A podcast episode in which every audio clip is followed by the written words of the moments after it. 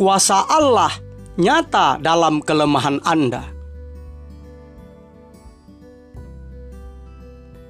Shalom mitra produktif. Jumpa lagi dengan saya, Pastor Tommy Ringo di YouTube Tahta Daud Channel dan di podcast Anchor Produktif dalam program 50 episode kehidupan yang dikendalikan oleh tujuan yang alkitabiah. Untuk apa kita ada di dunia ini?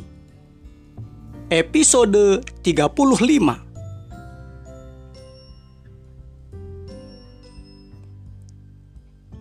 Sebelum kita belajar bersama dan memulai perjalanan rohani yang mengasyikkan ini, mari kita memperkatakan dan merenungkan firman Allah yang tertulis dalam surat 2 Korintus 13 ayat 4b yang berkata,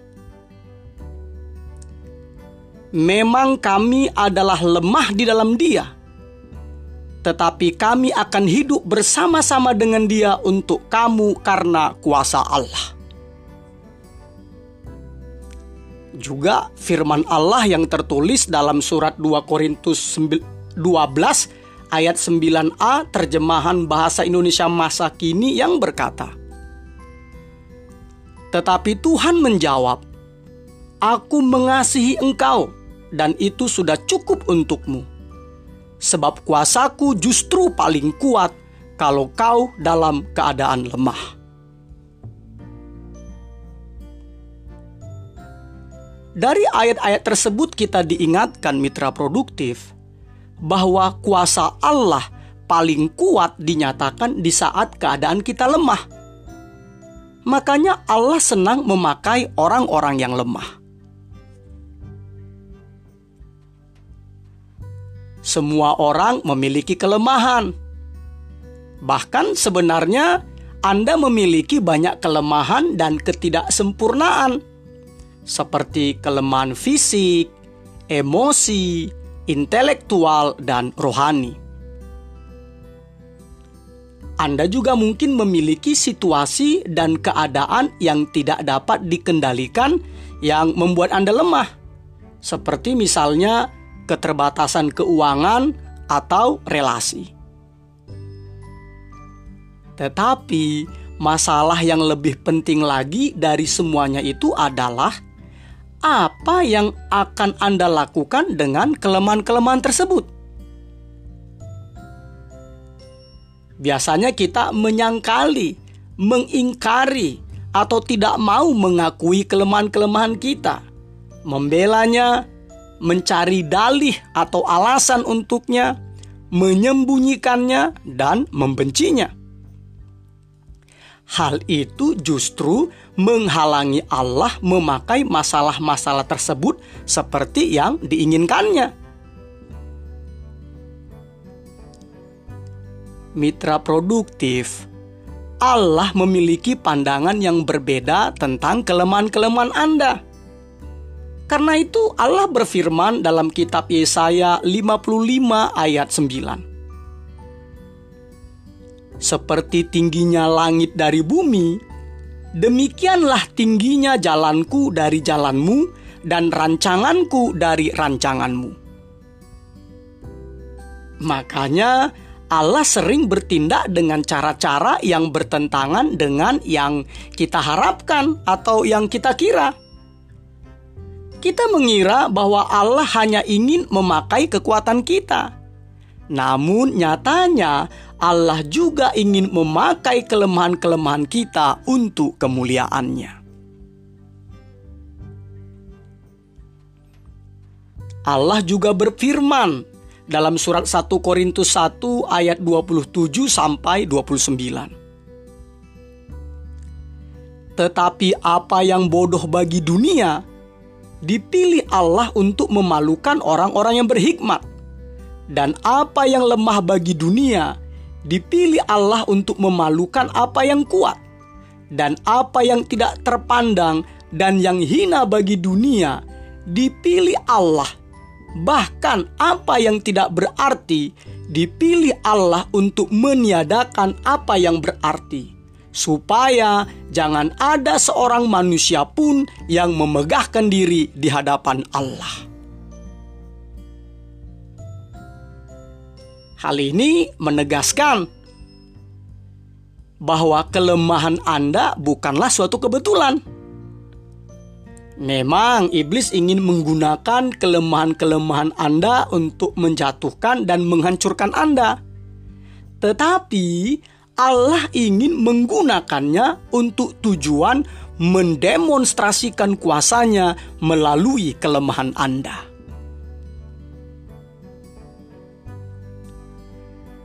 Allah tidak pernah terkesan dengan kekuatan atau kemandirian, yaitu kemampuan yang dapat berdiri sendiri tanpa bergantung pada orang lain. Tetapi justru Allah tertarik pada orang lemah yang mengakui kelemahannya. Yesus menyebutkan pengakuan akan kebutuhan kita ini sebagai miskin di hadapan Allah. Matius 5 ayat 3. Bahkan sikap ini, miskin di hadapan Allah, adalah sikap nomor satu yang diberkati Allah dari seluruh ucapan bahagia yang tertulis dalam Injil Matius 5 ayat 3 sampai 12. Para prasa dari Injil Matius 5 ayat 3 terjemahan bahasa Indonesia masa kini tertulis. Berbahagialah orang yang merasa tidak berdaya dan hanya bergantung pada Tuhan saja. Mereka adalah anggota umat Allah.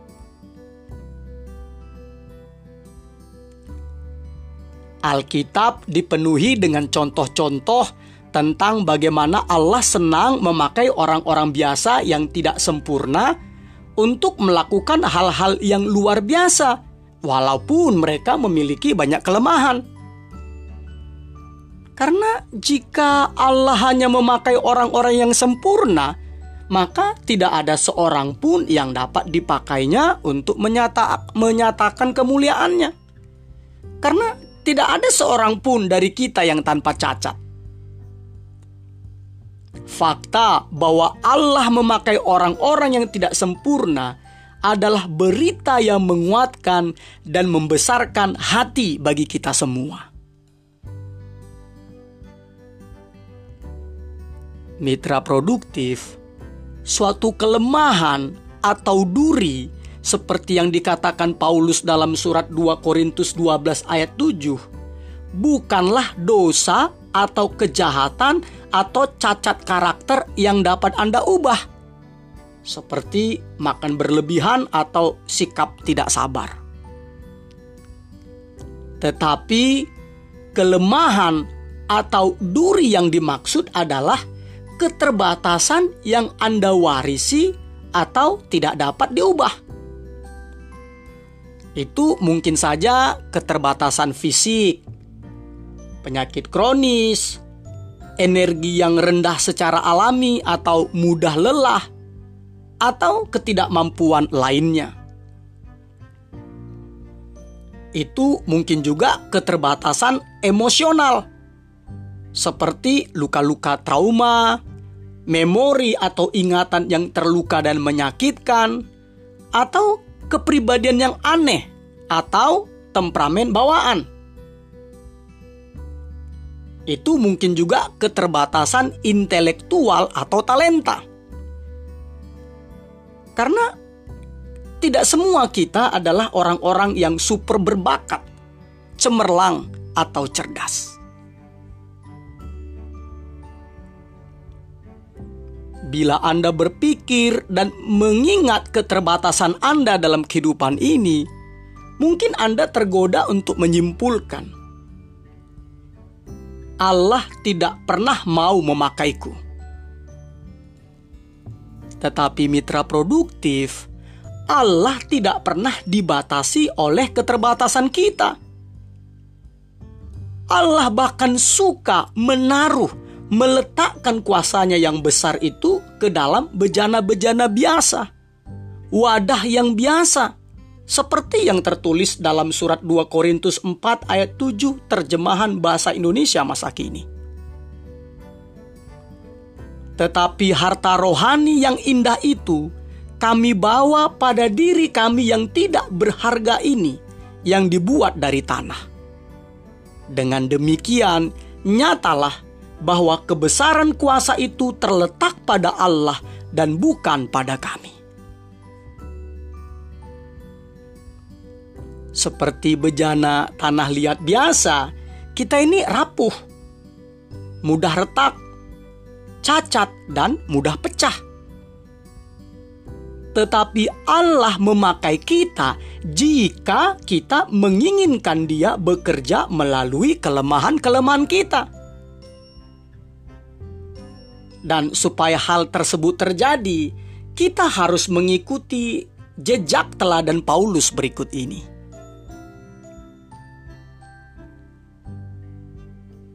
Pertama, akuilah kelemahan-kelemahan Anda akuilah kelemahan-kelemahan Anda. Akuilah ketidaksempurnaan Anda. Berhentilah berpura-pura memiliki semuanya dan jujurlah tentang diri Anda sendiri. Jangan hidup dalam penyangkalan atau membuat alasan-alasan, tetapi luangkanlah waktu untuk mencari tahu dan mengenali kelemahan-kelemahan pribadi Anda. Anda bisa membuat daftar kelemahan-kelemahan tersebut. Dalam Alkitab Perjanjian Baru, ada dua pe, ada dua pengakuan besar dan terkenal yang menggem, yang menggambarkan apa yang kita butuhkan untuk kehidupan yang sehat dan menyenangkan. Yang pertama adalah pengakuan Petrus yang berkata kepada Yesus dalam Injil Matius 16 ayat 16. Engkau adalah Mesias, anak Allah yang hidup. Dan yang kedua adalah pengakuan Paulus yang berkata kepada kerumunan orang yang mengeluh-elukan mereka dalam kisah para rasul 14 ayat 15 kami ini adalah manusia biasa, sama seperti kamu.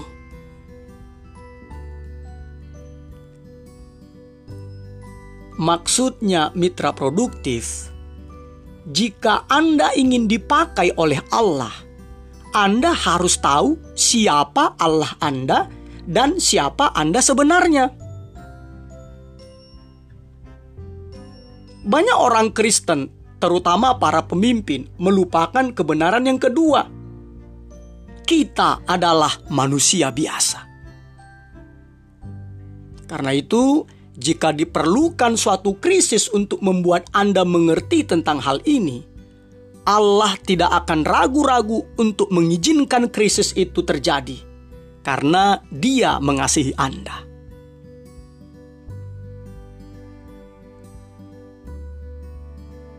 Kedua, bersikaplah puas di dalam kelemahan-kelemahan Anda. Bersikaplah puas di dalam kelemahan-kelemahan Anda. Allah berfirman dalam surat 2 Korintus 12 ayat 9. Tetapi jawab Tuhan kepadaku, cukuplah kasih karuniaku bagimu sebab justru dalam kelemahanlah kuasaku menjadi sempurna. Sebab itu, terlebih suka aku bermegah atas kelemahanku, supaya kuasa Kristus turun menaungi aku. Makanya, Paulus dapat berkata, ia lebih suka bermegah atas kelemahannya, supaya kuasa Kristus turun menarungi uh, turun menaungi dia. Memang awalnya hal ini tidak masuk akal karena kita ingin dibebaskan dari kelemahan-kelemahan kita, bukannya puas dengan kelemahan tersebut. Tetapi rasa puas adalah ekspresi iman di dalam kebaikan Allah. Kepuasan berarti mengatakan, Tuhan, Aku percaya bahwa Engkau mengasihiku dan mengetahui yang terbaik untukku. Paulus memberikan kepada kita beberapa alasan untuk menjadi puas dengan kelemahan-kelemahan bawaan kita. Alasan pertama, kelemahan-kelemahan kita akan membuat kita bergantung kepada Allah. Dengan mengungkapkan kelemahannya sendiri yang Allah tolak untuk disingkirkan, Paulus berkata dalam surat 2 Korintus 12 ayat 10. Karena itu aku senang dan rela di dalam kelemahan, di dalam siksaan, di dalam kesukaran, di dalam penganiayaan, dan kesesakan oleh karena Kristus. Sebab jika aku lemah, maka aku kuat. Parafrasa ayat tersebut dalam terjemahan firman Allah yang hidup berkata, Makin sedikit yang saya miliki, makin banyak saya menggantungkan diri kepadanya. Mitra produktif, jika Anda merasa lemah, sesungguhnya Allah sedang mengingatkan Anda untuk bergantung kepadanya. Alasan kedua, kelemahan-kelemahan kita akan mencegah kita dari kesombongan kelemahan-kelemahan itu akan menjaga kita tetap rendah hati. Paulus berkata dalam surat 2 Korintus 12 ayat 7. Dan supaya aku jangan meninggikan diri karena penyataan-penyataan yang luar biasa itu, maka aku diberi suatu duri di dalam dagingku, yaitu seorang utusan iblis untuk menggocoh aku supaya aku jangan meninggikan diri. Allah sering kali menyertakan kelemahan besar dalam kekuatan yang besar untuk mengendalikan ego kita.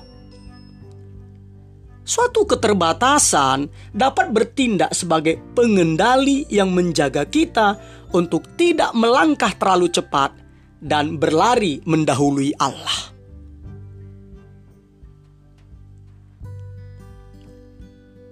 Ketika Gideon merebut pasukan sebanyak 32 ribu orang, Allah menyaringnya sampai hanya 300 orang saja. Padahal musuh yang harus dihadapi mereka adalah 135 ribu pasukan orang Midian dan orang Amalek dan semua orang dari sebelah timur. Sehingga rasionya adalah 450 orang pasukan musuh melawan satu orang pasukan Gideon. Hakim-hakim 7 dan Hakim-hakim 8 ayat 1 sampai 21. Memang kelihatannya seperti bencana. Tetapi Allah melakukannya supaya Israel mengetahui bahwa kuasa Allah lah bukan kekuatan mereka sendiri yang menyelamatkan mereka. Alasan ketiga, kelemahan-kelemahan kita akan mendorong kita untuk bersekutu dengan orang-orang percaya lainnya. Ketika kekuatan menghasilkan dalam tanda kutip roh kemandirian, aku tidak membutuhkan orang lain, maka kelemahan-kelemahan atau keterbatasan-keterbatasan kita akan menunjukkan betapa kita saling membutuhkan. Alasan keempat, kelemahan-kelemahan kita akan meningkatkan kapasitas kita untuk bersimpati dan untuk melayani. Kita akan jauh lebih mudah untuk berbelas kasihan dan memaklumi kelemahan-kelemahan orang lain. Allah ingin Anda melakukan pelayanan seperti Kristus di dunia ini. Ini berarti orang-orang lain akan menemukan kesembuhan melalui luka-luka Anda.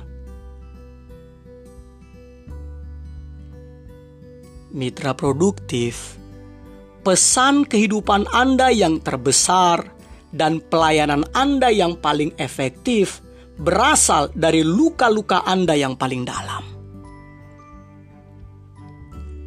Hal-hal yang paling memalukan dan paling berat untuk diceritakan adalah sarana-sarana yang dapat Allah gunakan dengan penuh kuasa untuk menyembuhkan dan memulihkan orang lain.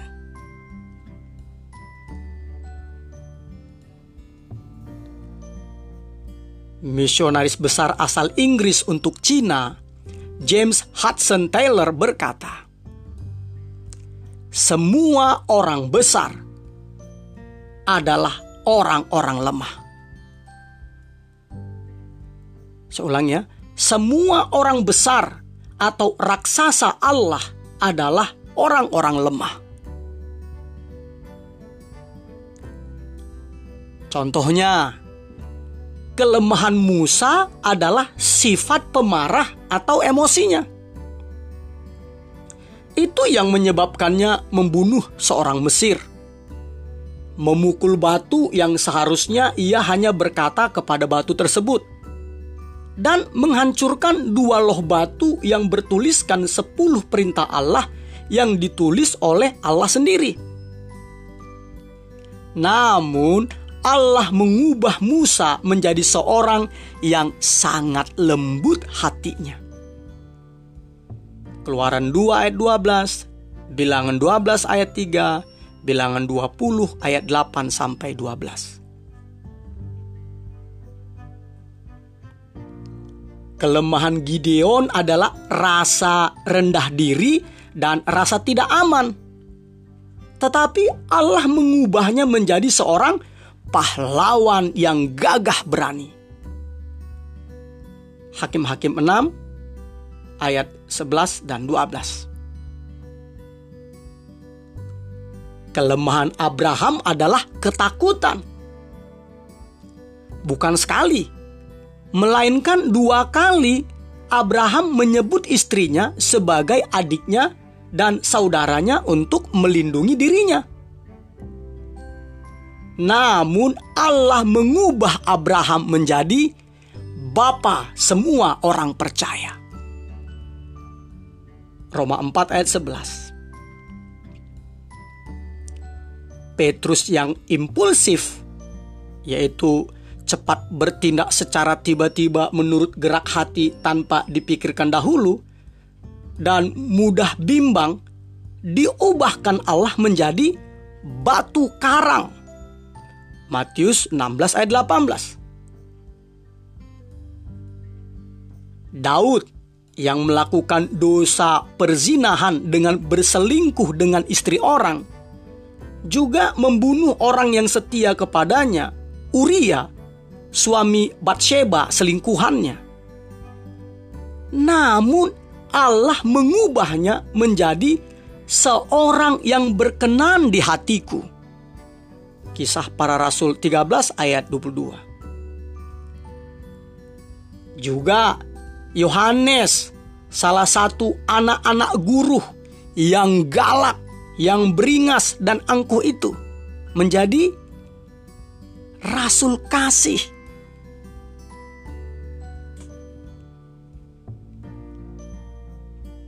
Daftar yang saya sebutkan di atas akan bertambah terus. Karena apa? Karena surat Ibrani 11 ayat 32 sampai 34 berkata, Dan apakah lagi yang harus aku sebut?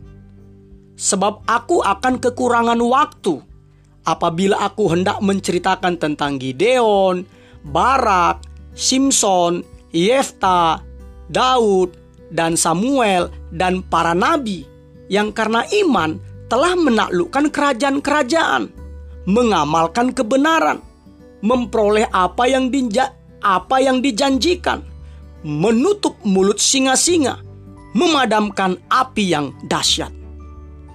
Mereka telah luput dari mata pedang, telah beroleh kekuatan dalam kelemahan, telah menjadi kuat dalam peperangan dan telah memukul mundur pasukan-pasukan tentara asing. Allah memang sangat ahli mengubah kelemahan menjadi kekuatan. Allah mau mengambil kelemahan Anda yang paling besar dan mengubahnya untuk kemuliaan Allah.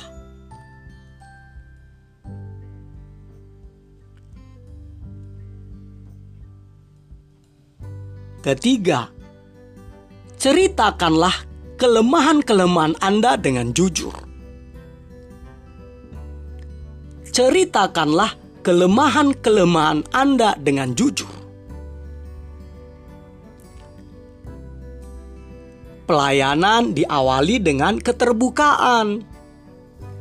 Semakin sering Anda meruntuhkan benteng pertahanan ego Anda, membuka topeng Anda, dan menceritakan pergumulan-pergumulan Anda, maka Allah akan semakin memakai Anda untuk melayani orang lain.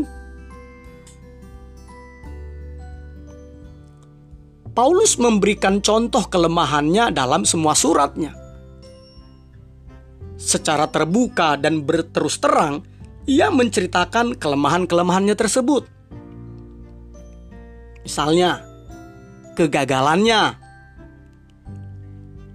Paulus menceritakannya dalam surat Roma 7 ayat 19.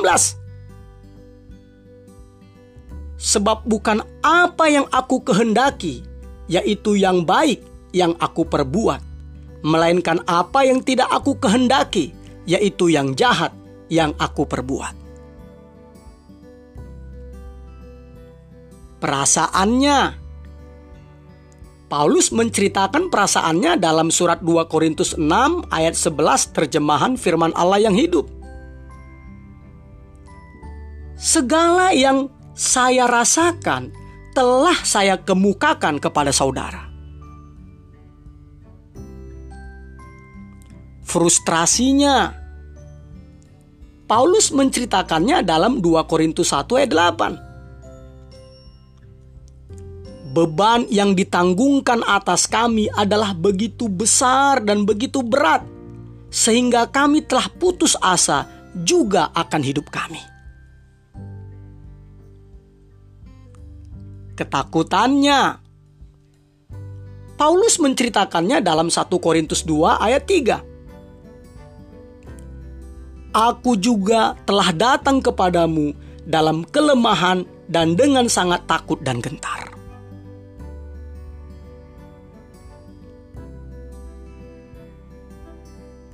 Tentu saja, mitra produktif, keterbukaan itu beresiko. Mengurangi pertahanan Anda dan membuka kehidupan Anda pada orang lain bisa menakutkan.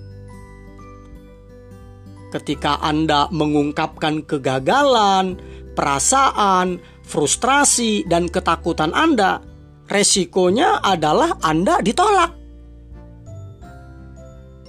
tetapi manfaatnya melebihi resikonya. Karena keterbukaan itu memerdekakan secara emosional. Membuka diri membuat tekanan atau stres berkurang. Kecemasan-kecemasan Anda hilang dan merupakan langkah pertama menuju kebebasan atau kemerdekaan.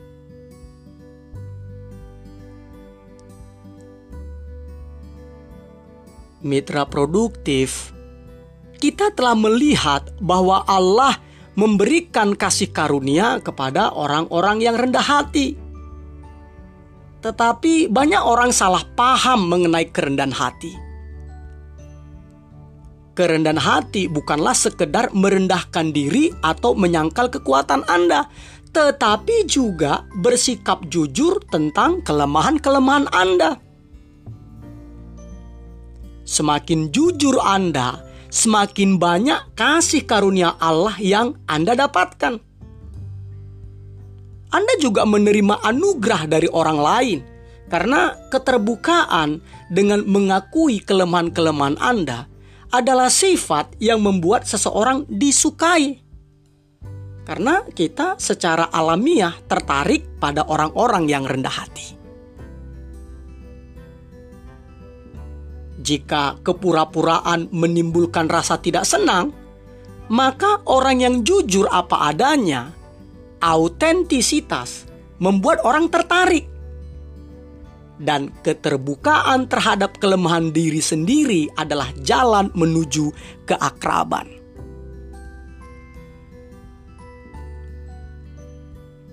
Itulah sebabnya Allah ingin memakai kelemahan-kelemahan Anda bukan hanya kekuatan Anda. Jika yang orang lihat hanyalah kekuatan-kekuatan Anda, mereka akan berkecil hati dan berpikir, "Ya, baik untuk dia, tetapi aku tidak akan pernah dapat melakukannya." Tetapi ketika mereka melihat Allah memakai Anda di balik kelemahan-kelemahan Anda, itu akan membuat mereka terinspirasi dan berpikir, "Barangkali Allah dapat memakaiku." Ingat, kekuatan kita menciptakan persaingan, tetapi kelemahan kita menciptakan komunitas.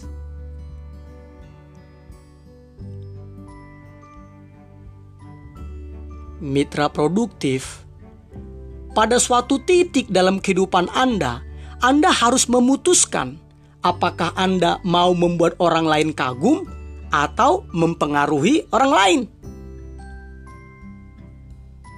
Anda dapat membuat orang lain kagum dari jauh, tetapi Anda harus mendekat untuk mempengaruhi mereka. Dan ketika Anda melakukannya, mereka akan dapat melihat kelemahan Anda tidak apa-apa menurut saya. Itu hal wajar dan alamiah. Ingat, sifat atau kualitas yang paling penting untuk kepim untuk kepemimpinan bukanlah kesempurnaan, melainkan kredibilitas. Dapat dipercaya. Orang lain harus dapat mempercayai Anda. Kalau tidak, mereka tidak akan mengikuti Anda. Bagaimanakah Anda membangun kredibilitas? Bukan dengan berpura-pura menjadi sempurna, melainkan dengan bersikap jujur.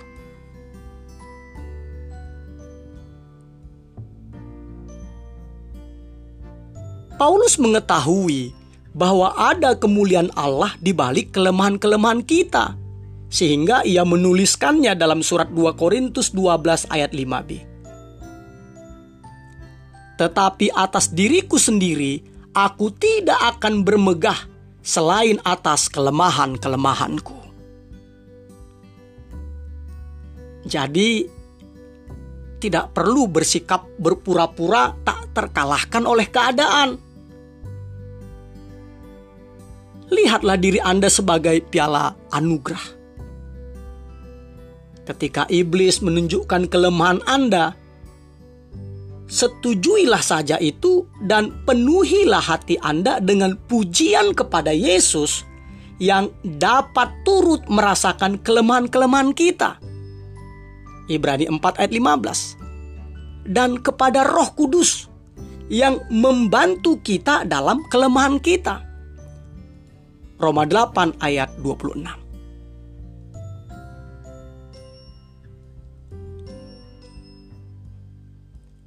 Namun, kadangkala Allah mengubah sebuah kekuatan menjadi kelemahan untuk memakai kita lebih hebat lagi. Misalnya, seperti Yakub, seorang manipulator yang sering membuat rencana-rencana licik dan kemudian lari dari akibat-akibatnya. Di mana suatu malam Yakub bergumul dengan Allah dan berkata, Aku tidak akan membiarkan engkau pergi jika engkau tidak memberkati aku. Kejadian 32 ayat 26. Allah berkata, "Baiklah.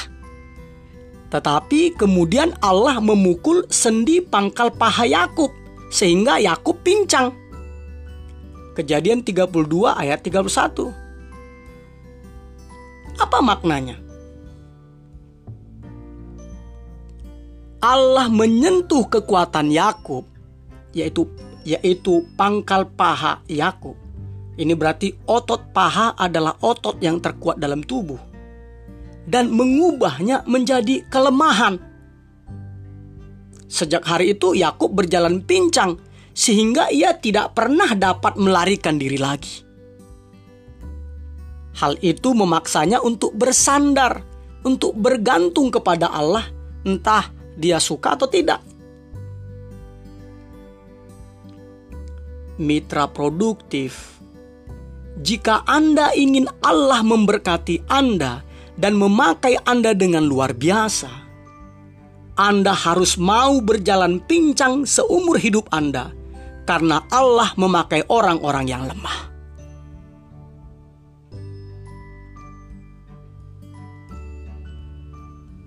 Episode 35 Berpikir dan merenungkan tujuan hidup saya Nilai-nilai atau prinsip-prinsip yang harus dipikirkan dan direnungkan kuasa Allah bekerja paling baik, paling kuat, dan paling nyata dalam kelemahan yang saya akui. Ayat untuk diingat 2 Korintus 12 ayat 9a. Tetapi jawab Tuhan kepadaku, Cukuplah kasih karuniaku bagimu, sebab justru dalam kelemahanlah kuasaku menjadi sempurna. pertanyaan untuk dipikirkan dan didiskusikan. Apakah saya membatasi kuasa Allah dalam hidup saya dengan mencoba menyembunyikan kelemahan-kelemahan saya? Mengenai hal apakah saya perlu jujur supaya dapat menolong orang lain?